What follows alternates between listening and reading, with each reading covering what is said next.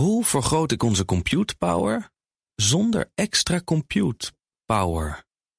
Lenklen, Hitachi Virtual Storage Partner. Lenklen, betrokken expertise, gedreven innovaties. Oh, nou eens goedemorgen. Tech Update. Google brengt, brengt Android Auto door Nederland. Yes, it's true, it's right.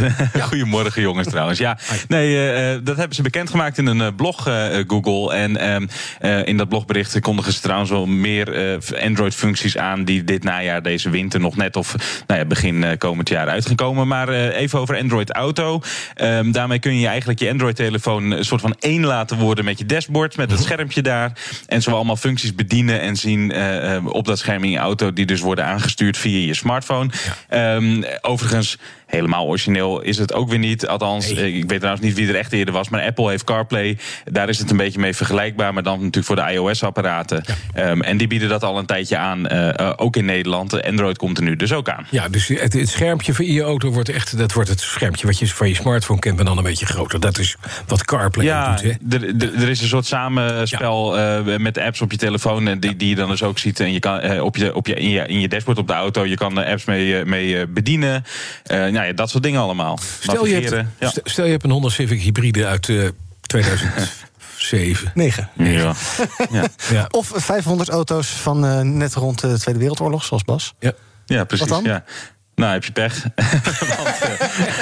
ja. en, ik, en ik denk ook bij modellen die niet eens uh, zo oud zijn als dat hoor. Er, er zijn gewoon twee voorwaarden uh, die, die, die uh, gelden voor de ondersteuning van dit. Je auto moet namelijk Android Auto ondersteunen. Mm -hmm. um, ik kan me wel voorstellen dat er allemaal auto's op de markt zijn die dat wel ondersteunen, maar waarop het dus nog niet, niet actief is. Maar ik kan me niet voorstellen dat de wat oudere auto dat ook doet. En de smartphone moet minimaal Android versie 6 geïnstalleerd hebben. Nou, dat lijkt me een kleiner probleem, want die kwam in september 2020 2015 geloof ik al uit. En dan hangt het er nog een beetje vanaf wanneer smartphonemakers die ook echt implementeren op hun toestel. Ja. Uh, maar goed, die is er al wat langer. Uh, nee, het zit, maar dat geldt ook voor CarPlay. Het zit vooral op de wat modernere modellen. Ja, precies. En nog niet per direct beschikbaar in Nederland, begrijp ik, hè? Nee, nee ook nog niet. Uh, zo gaat het met dit soort aankondigingen. En wanneer precies is ook nog niet duidelijk, hoor. Het is ook niet zo dat ze zeggen, nou, dan en dan in maart of zo. Dat is nog niet bekend. anders dan dat ze hebben gezegd dat het in de komende maanden beschikbaar komt. Ja, ken jij de serie Kung Fu van, met David Carradine uit de jaren 70 nog? Met Oeh, oh, Grasshopper. Nooit verhoord? Nee, nee, nee. nee, een Amerikaanse jongen die werd door een Chinese uh, uh, kung fu leraar opgeleid, Grasshopper. En mhm. die had het over als supremacy. Maar daar gaan we het nu ook over hebben. Want Chinese wetenschappers die claimen met een. Ja, het is een beetje een om, omweggetje om te komen waar we heen willen. staan in de studio, maar iemand en ik staan nu heel glazig aan te kijken. Ja, wat gaat dit worden? Let op. De Chinezen zeggen dat ze een quantumcomputer hebben die quantum supremacy heeft bereikt. Wat is dat dan precies? Nou, dat zal ik eerst even uitleggen. Dat is dat je met een quantumcomputer zeg maar, zulke complexe berekeningen kunt doen. die een gewone computer, zelfs de beste computer, zoals die nog zo geavanceerd. niet meer binnen afzienbare of acceptabele, acceptabele tijd kan uitvoeren. Mhm. Nou, lukt dat, dan spreek je van quantum supremacy. En Chinese wetenschappers zeggen volgens Bloomberg dat hun quantumcomputer. een biljoen keer sneller is dan de meest geavanceerde computer die nu beschikbaar is.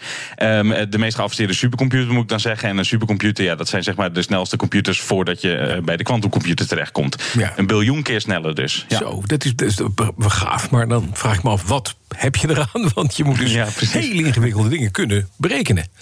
Ja, nou, wat, je, wat je überhaupt bij quantum computing ziet, is dat er eigenlijk twee dingen naast elkaar eh, lopen. Namelijk eh, de, de, de technische ontwikkeling, dus echt de, de hardware. En aan de andere kant de toepassingskant. Um, en we hebben er nu nog niet zo heel veel aan. De Chinezen misschien ook nog niet, maar wij ook niet. Uh, niemand niet eigenlijk. Dat geldt een beetje bij quantum computers in het algemeen. Um, uiteindelijk is het idee dat die apparaten wel hele complexe berekeningen kunnen doen. Of ingewikkelde simulaties kunnen uitvoeren. Mm -hmm. maar dan, en dan, dan ook nog eens heel erg snel. Ja. Um, aan die toepassingen wordt ondertussen wel gewerkt. Ook in Nederland zijn er hele slimme mensen mee bezig.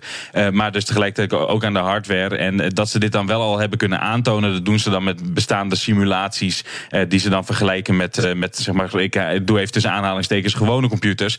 Maar wat wel interessant is, dat dit ook laat zien, de, de, iets laat zien over de race die eigenlijk plaatsvindt rond deze technologie. Want we hebben het nu dan over China die dit claimt. Maar ook de Verenigde Staten is er keihard mee bezig. Google die claimde eerder ook al quantum supremacy behaald te hebben.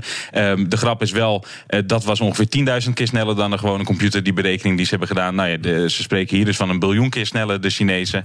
Uh, ook in Europa wordt eraan gewerkt. Maar ja, het is ook een beetje het land die er het meeste geld tegenaan gooit. Die ja. krijgt vaak ook de grootste voorsprong. China doet dat. Die gooit er veel meer geld tegenaan dan bijvoorbeeld ook de Verenigde Staten. Um, en ja, het geeft je gewoon een technologische en wetenschappelijke voorsprong uiteindelijk. En op het moment dat dit goed werkt en je hebt die toepassingen, nou, dan zijn we natuurlijk wel een stukje verder.